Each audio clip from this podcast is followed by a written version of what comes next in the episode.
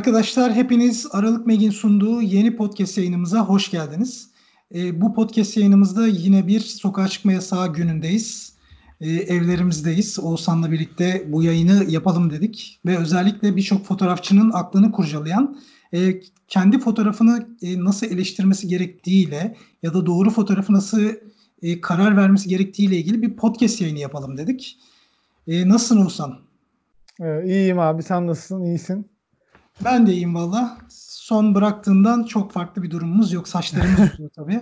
evet. Benim öyle bir fiziksel değişimler var. Onun dışında Onun evdeyiz. dışarıya çıkmıyoruz. İşte evdeyiz. Aynen aynen. Şaka maka 12. bölümü çekiyoruz bu arada. Ee, sen sen sana da güzel şeyler e, söylüyorlar herhalde podcast ile ilgili. Yani dönüş Arada yapıyorlar ve ben bununla ilgili zaten hani itici güç bir nevi roketin yakıtı olabilir bunlar yani. Hakikaten çok şükran duyuyorum ya böyle eleştiriyle dönenlere. Çok Konumuzun güzel. başlığı da eleştiri olunca eleştiri. hakikaten böyle eleştiri. şahane oldu. Onlara evet. hepsine teşekkür ederim. Yani bu tip geri dönüşleri yaparsanız biz de kendimizi neredeyiz? Hani bu podcast dünyasında fotoğraf adına ne kadar nitelikli iş üretebiliyoruz biz de farkında değiliz. Ya bildiklerimizi paylaşmak bizim için zaten büyük bir kıvanç. Ama bunu ileriye taşımak adına lütfen Oğuzhan'a ya da bana da iletişim et aralıkmegik.com'a e, bilgilerin yani eleştirilerinizi gönderin ki biz de ona göre aslında bir yol haritası çizelim. Aynen öyle. Bugün fotoğraf eleştirisine gelecek olursak bu arada arkadaşlar az önce bir internette problem oldu ve aslında tam podcast'i bitirmek üzereyken ikinci tur aynı yayını yapıyoruz. O yüzden belki e, mimiklerimiz size çok tatmin edici gelmeyebilir. İnanın ikinci kere kaydettiğimiz için e, şey olacak. Turşu gibi olacak yani Böyle tarihi geçmiş turşular gibi olacak. Neyse. E, şimdi burada eleştirinin kelime anlamına baktığımızda aslında ya da Türkiye'deki algısına baktığımızda e, daha çok insanları eleştirmek kötü bağlamda bir kelimeymiş gibi geliyor. Aslında evet. burada birçok fotoğrafçı tabii eleştirdiği noktalarda ya da eleştiriyi alan kişi ne kadar bu eleştirinin nitelikli ya da e, kaile alınabilecek bir nitelikte olup olmadığını saptaması lazım. Doğru eleştirinin olması çok önemli. E, hepimiz aşağı yukarı eleştiri alıyoruz. Sen bu konuda ne düşünüyorsun? Şimdi abi birincisi e, eleştiren taraf kim? Doğru bir kişi mi? Yani e, belki herkesten bir eleştiri e, almak da iyi bir şeydir. E, onu bilmiyorum ama belki de fotoğraftan biraz da anlayan bir insandan bir eleştiri almak e, çok daha e, çektiğin yani çektiğin şeyi çok daha sana daha destekleyici bir şekilde bir hale getirebilir gibi. Çok açıklayamadım ama aslında burada şöyle de bir durum var. Şimdi biz ekonomi derslerinde bazen çok yüksek satışlar ya da çok dip satışlar vardır. Ya mesela bu kriz döneminde mal elindeyse eğer malı çok düşük fiyattan ya zarar diyeceğimiz bir kısımdan satabilirsin. Ya da evet. malı bazen piyasada o kadar azdır ki yani 1 liralık malı tak diye 10 liraya satabilirsin. Bak bu bu şunun gibi bir şey. Yani iyi eleştiri ya da çok kötü eleştiriler bunun gibi düşün. Yani çok pahalı ya da çok aza satmak gibi düşün. Aynen. Şimdi burada bunları ekonomide kayla almazsın. Çünkü bunlar ortalama yani mutlak değerini hesapladığın zaman bunlar kayla alınmaz maksimum satışlar ya da minimum satışlar. Bu da onun gibi. Yakın çevreni düşünecek olursan Oğuzhan inanılmaz fotoğraflar çekiyor. Oğlumuz şahane. Ağzına sağlık, gözüne sağlık. Ya bu ben müzik yaptığım dönemde de böyleydi. Şimdi hiç müziğin mevsiminden anlamayan bir insan gelip seni yere göğe sığdıramaz. Doğru. doğru bir fotoğrafçıya aynen. benim en büyük önerim çok iyimser, pozitif yorumları kesinlikle hayatlarında barındırmasınlar. Çünkü bir fotoğrafçının ya da bir sanatçının itici gücü aslında eleştirel, pozitif eleştiriler olmalı. Evet. Yani evet. bazıları çünkü çok demoralize oluyor. Yani atıyorum abisi diyor ki ya abi sen de bu işi beceremedin diyor. Ya da işte eşi diyor ki ya dünyanın zamanını harcıyorsun ortada bir şey yok. Ya da annen diyor ki oy benim oğlum ne güzel çekiyor diyor. Bunlar ya doğru eleştiriler değil. Bir kere bu eleştiri konuşacaksak bunları aradan hemen çıkaralım. Aynen kesinlikle öyle. Az önceki bölümde söylemiştim. Müzisyenler için hani çoğu şöyle bir şey diyorlar. Eleştiriliyorsam doğru noktadayım. Doğru bir şey yapıyorum. Kendimi geliştiriyorum e, diye düşünüyorlar ve çoğu e, eleştirilere karşı ne kadar böyle negatif eleştiriler de bazen duysalar hep bunlara aslında pozitif yaklaşmaya ve o eleştirilerden bir şeyler almaya çalışıyorlar. Yani bu tabii. sadece müzisyenler için değil tabii ki sanatın dediğin gibi her dalında ama e, biraz yani bir şey yapmak lazım. Bir insanları biraz bir kısmını e, sizin için önemli olanlar ve e, yine aynı sektörde olduğumuz kişilerle belki biraz onları bir dinlemek lazım diye düşünüyorum. Yani e, kıskançlık için eleştiri yapanlar da var. Ama gerçekten ama e, burada iyi bir yerlere çıtayı senin belirlemen. Çıtayı senin belirlemen lazım. Yoksa evet. şöyle bir şey düşün. Ya bu tabii biz şimdi sanat bağlamında düşünüyoruz. Sanatı düşündüğümüzde sanat başlı başına bir üretim. Kişisel bir üretim. Şimdi üretilen şey eleştirilir. Yani meyren ağaç taşlanır gibi bir şey bu. Ki bu kıskançlık da olsa kıskançlık bir yerden sonra tabii insan vazgeçiyor. Kıskanan kişi diyor ki ya adam gerçekten istikrarlı bir şekilde hayatına devam ediyor ya da üretmeye devam ediyor özgün bir şekilde. O zaman o kıskançlık dediğimiz kısım zaten füzeden ayrılıyor yani onunla ilgili sorun yok. Burada benim dikkat çekmek istediğim şimdi eleştiri dediğimiz konu aslında karşılıklı sanatsal bir iletişim. Şimdi siz fotoğrafı ürettiğinizde daha önce de ilk yayında konuştuk. Bir probleminiz var. Hayata dair insanlara göstermek istediğiniz bir sıkıntı var. Çünkü pro- ya başka türlü bir üretim olmaz. Bu evet. problemi ya da fotoğraftaki bu durumu karşı taraf ne kadar anlayabilecek? Benim yine çok sevdiğim bir söz. Siz dünyaları da bilseniz, dünyanın bilgisine de sahip olsanız anlatacağınız şeyler karşındakinizin aslında bileceği, anlayacağı kadardır. Bu şahane evet. bir sözdür. Sen dünyaları anlat. Yani o karşıdakinin bilgi yeterliliği bu konuda yetersizse sizi hiçbir zaman anlamayacaktır ve işte hunharca eleştiride bulunacaktır. O yüzden e, bunları kesinlikle kayla almasınlar. Şimdi bu şeye geleceğim. E, Laika Türkiye'nin yaptığı böyle çok güzel canlı yayınlar yapıyorlar. Birçok hatta buradan hepsine çok teşekkür ediyorum. Birçok kişi evet. canlı yayın yapıyor. Gerçekten bilgilerini harika paylaşıyorlar. Kısıtlamadan paylaşıyorlar. Birçok fotoğrafçı bu nimetlerden faydalanıyor. Bunlara ben de dahilim. E burada Tunç abi son hafta Leica Türkiye'nin katılımcısıydı. E, o mesela fotoğrafla ilgili çok güzel bir tespitte bulundu. O da durmadan fotoğraf çeker. Yani arşınlar da arşınlar, kilometrelerce, günlerce yol yürür. Uluslararası bir fotoğrafçıdır. Dedi ki yani ben dijital fotoğrafımı sokakta çekimleri yap, yaptıktan sonra mutlaka ya makinemi ya hafıza kartımı bir kenara bırakıyorum ya da bilgisayara fotoğrafları atıp iki gün üç gün onları kesinlikle ellemiyorum. Sonrasında e, bunun e, doğru fotoğrafı daha rahat seçiyorum. Çünkü ne kadar fotoğrafçı da olsanız duygularınız var. Ve o anı yaşadığınızda sadece fotoğrafa baktığınızda iki boyutlu bir nesne görüyorsunuz. Evet. Ama siz evet. anı yaşarken orada bir koku var, orada bir adrenalin var, orada bir duyumsadığınız detaylar var. Bunlar sizin doğru fotoğrafını seçmenizi gerçekten etkiliyor. Bunun etkisinde kalmamanız lazım. Yine ikinci baskı olacak senin için ama yayınımızdakiler için ilk baskı olsun. Mesela Robert Capa daha önce e, ben hayatını da anlattım YouTube kanalımda. Mesela fotoğraflarını çekerken düşünün yani üzerinizden mermiler yağıyor. Hemen yanı başınızda insanlar ölüyor. Şimdi gelse bunları anlatsa tabii ki fotoğrafı değerli kılan şey biraz da hikayelerdir.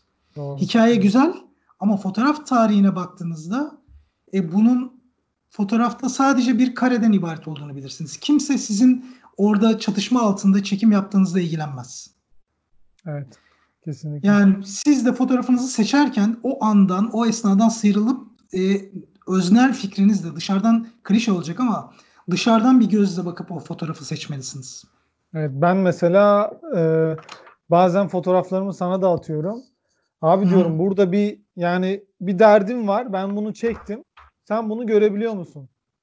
Sen, sen aynı hissiyatı buradan alabiliyor musun? diye bazen sana da soruyorum ama kendimce kendimi eleştirmem gereken bir noktada varsa bazen de çok böyle e, belki acemi fotoğrafçılığı heyecanı bilmiyorum ne denir ona ismi nedir ama hani çektikten sonra kendimce e, diyorum ki bu çok benim için güzel bir şey oldu kare.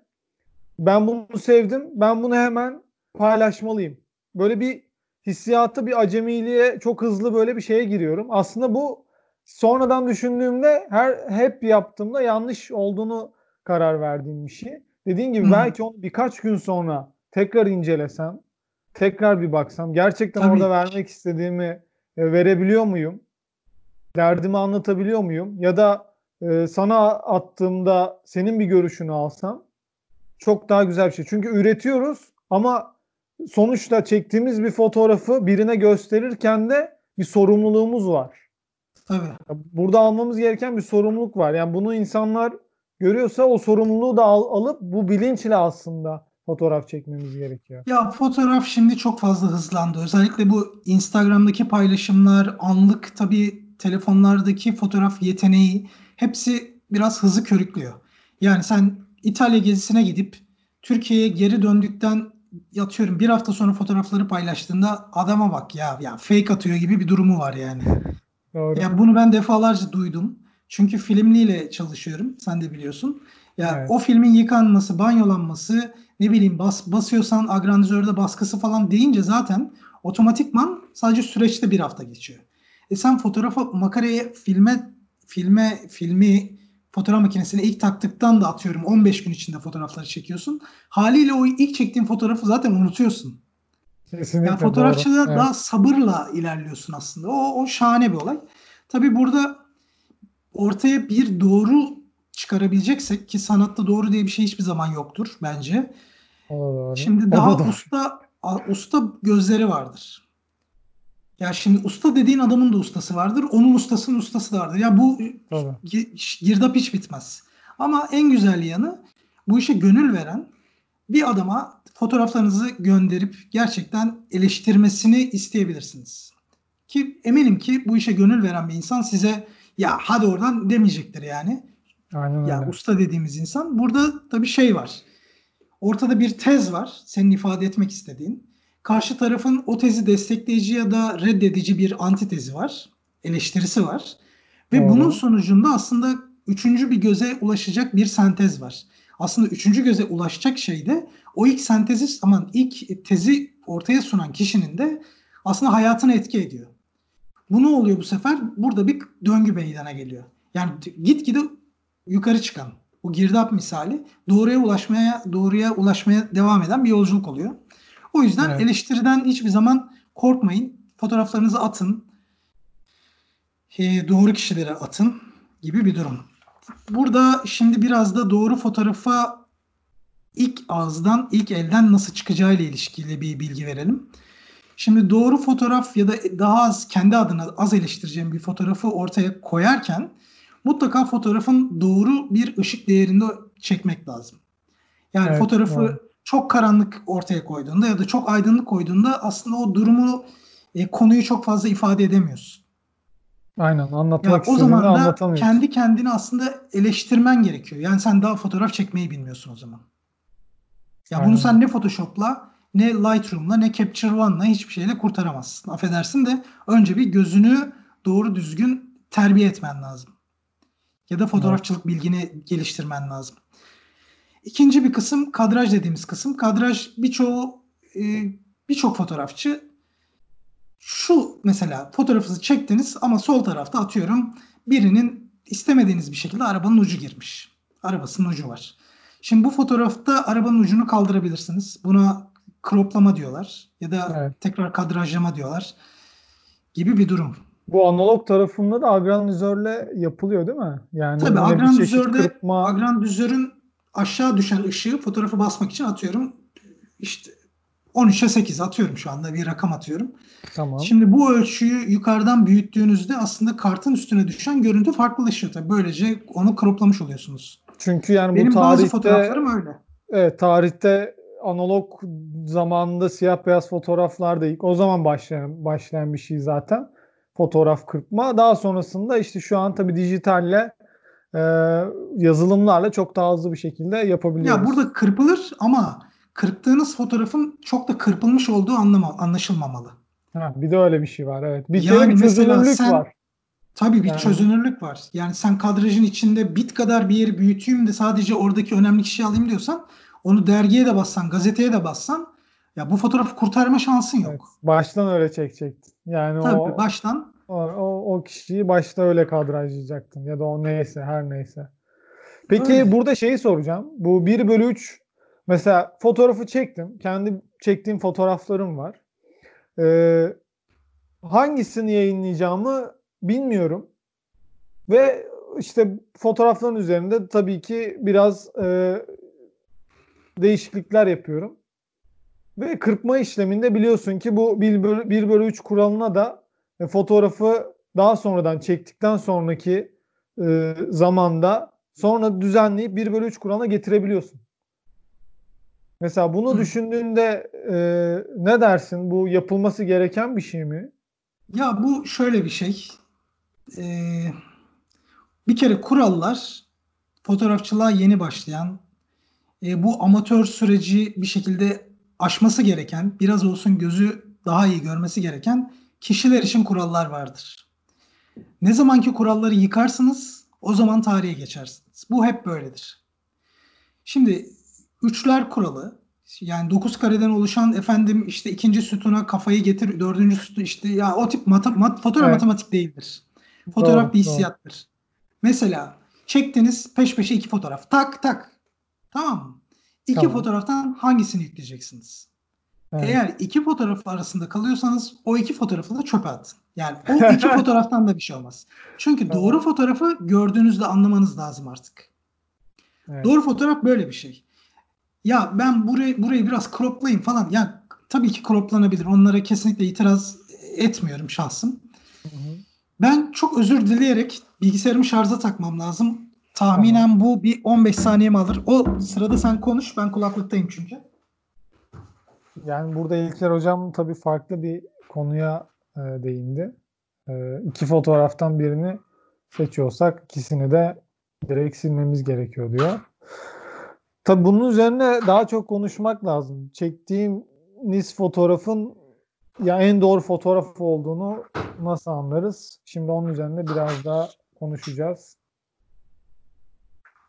Mesela sen croplarken neye dikkat ediyorsun? Hemen bana bir soru geldi burada.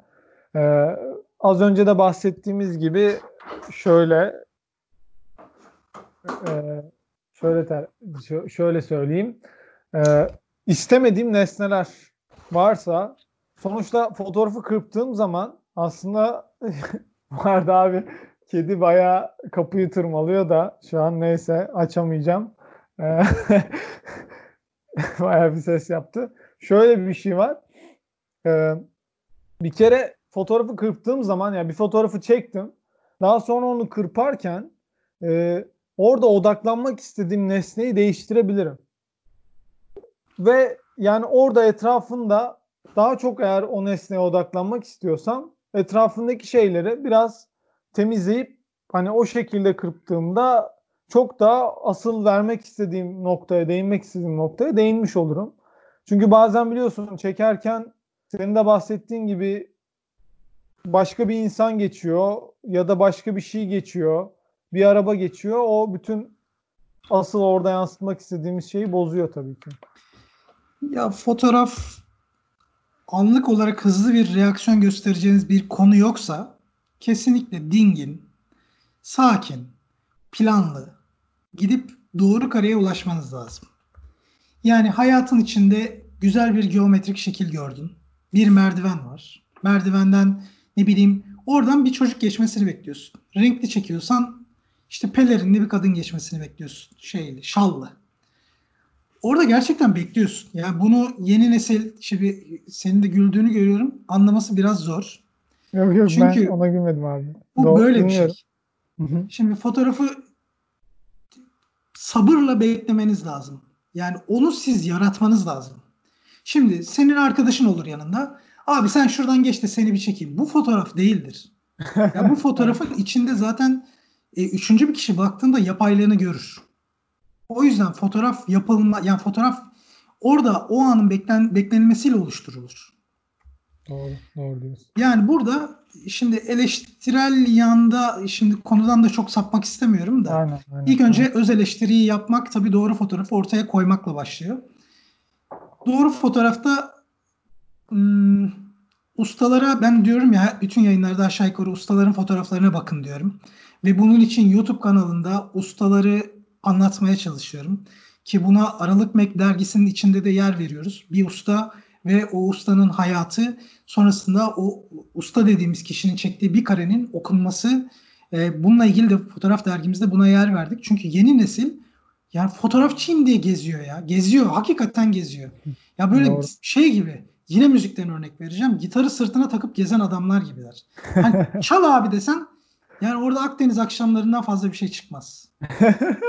ya fotoğraf çekmek öyle bir şey değil. Fotoğraf işte o zihnin ne bileyim anlık reflekslerinin gördüğün şeyin kafandaki hikayenin hepsi böyle bir, bir doğrultuda olması lazım ki fotoğraf ortaya çıksın. Ya vurdum hemen çektim gittim abi ya, ya fotoğraf iyi olabilir. Bir tane şansına yakalarsın. iki tane yakalarsın.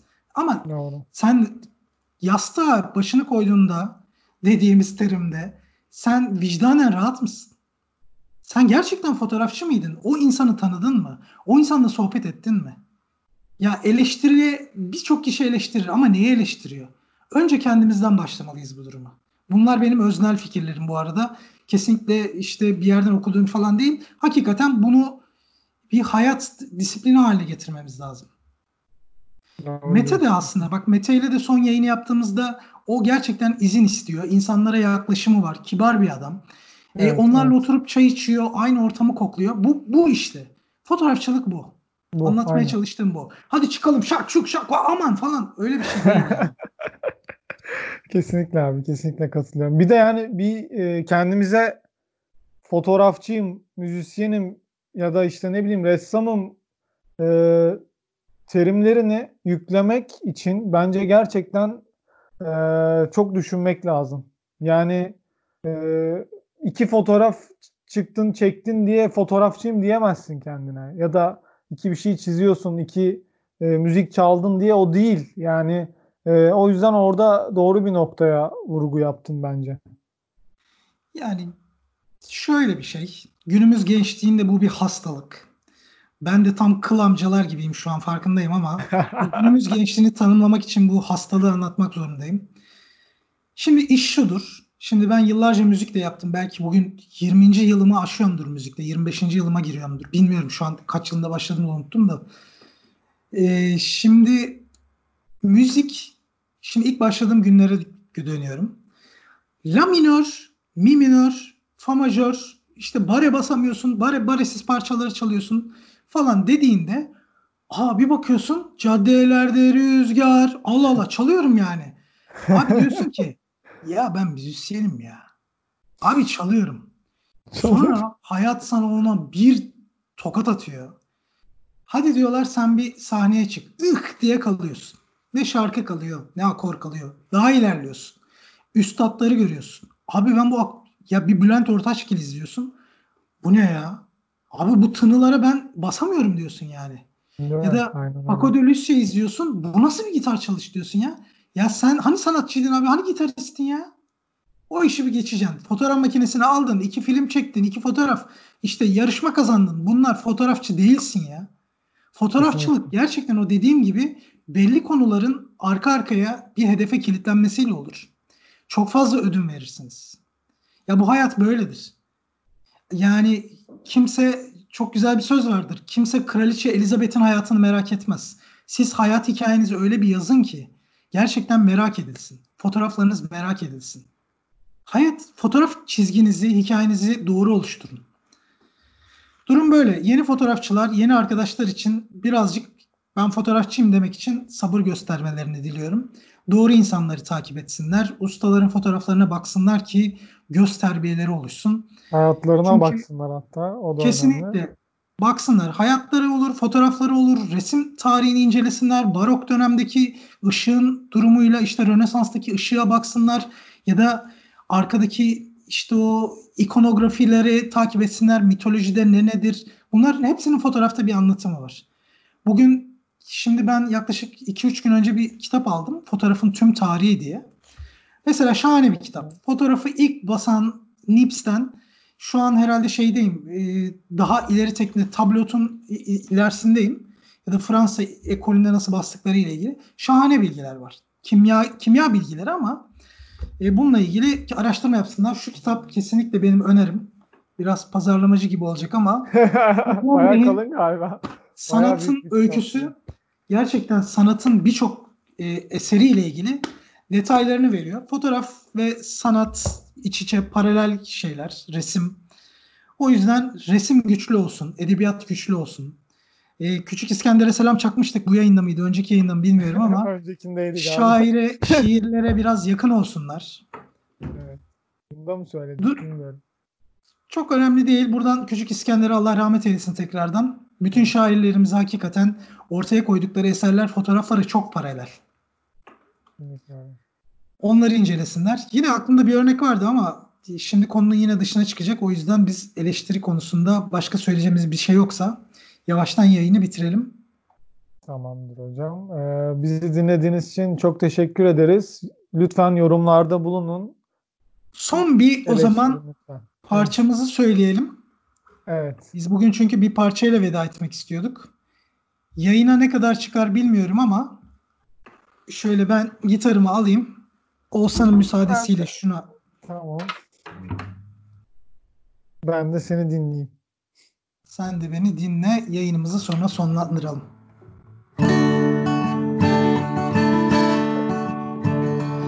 Ruhidir benim adım Hiç çıkamam evimden Dostlar uydururum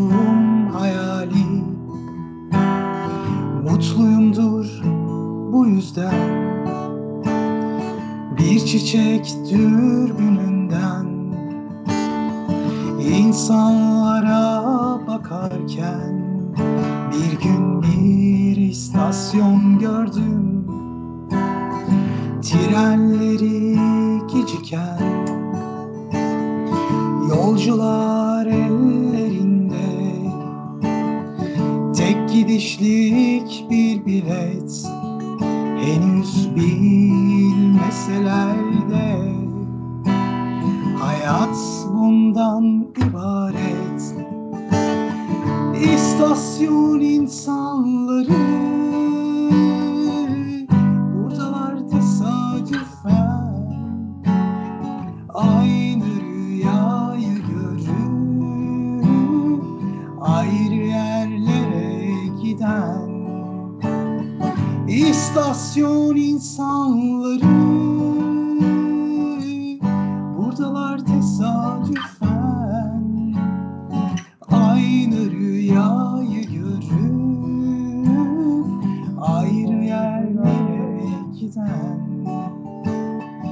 Eskiden çok eskiden.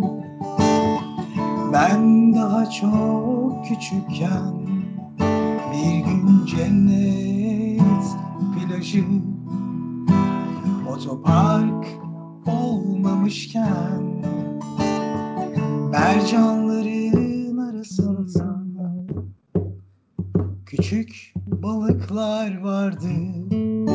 En güzelleri Kavun içi olanlardı Üç. Hocam ağzına Bak. İstasyon insanları Buradalar tesadüfen Aynı rüyayı görür Ayrı yerlere giden Bir de sonu var. Bir gün bir rüya gördüm kavun içi balık benmişim Büyümem beklenmeden Afiyetle yenmişim Teşekkürler. Ağzına sağlık. Herkese çok çok Teşekkürler. çok teşekkür ederiz. Bu yayında bizi yayın, yalnız bırakmadığınız için. Bir sonraki Aralık Mek yayınında istek parçanızı ve görüşlerinizi bekliyoruz. Kendinize iyi bakın. Hoşçakalın. Hadi bakalım görüşmek üzere.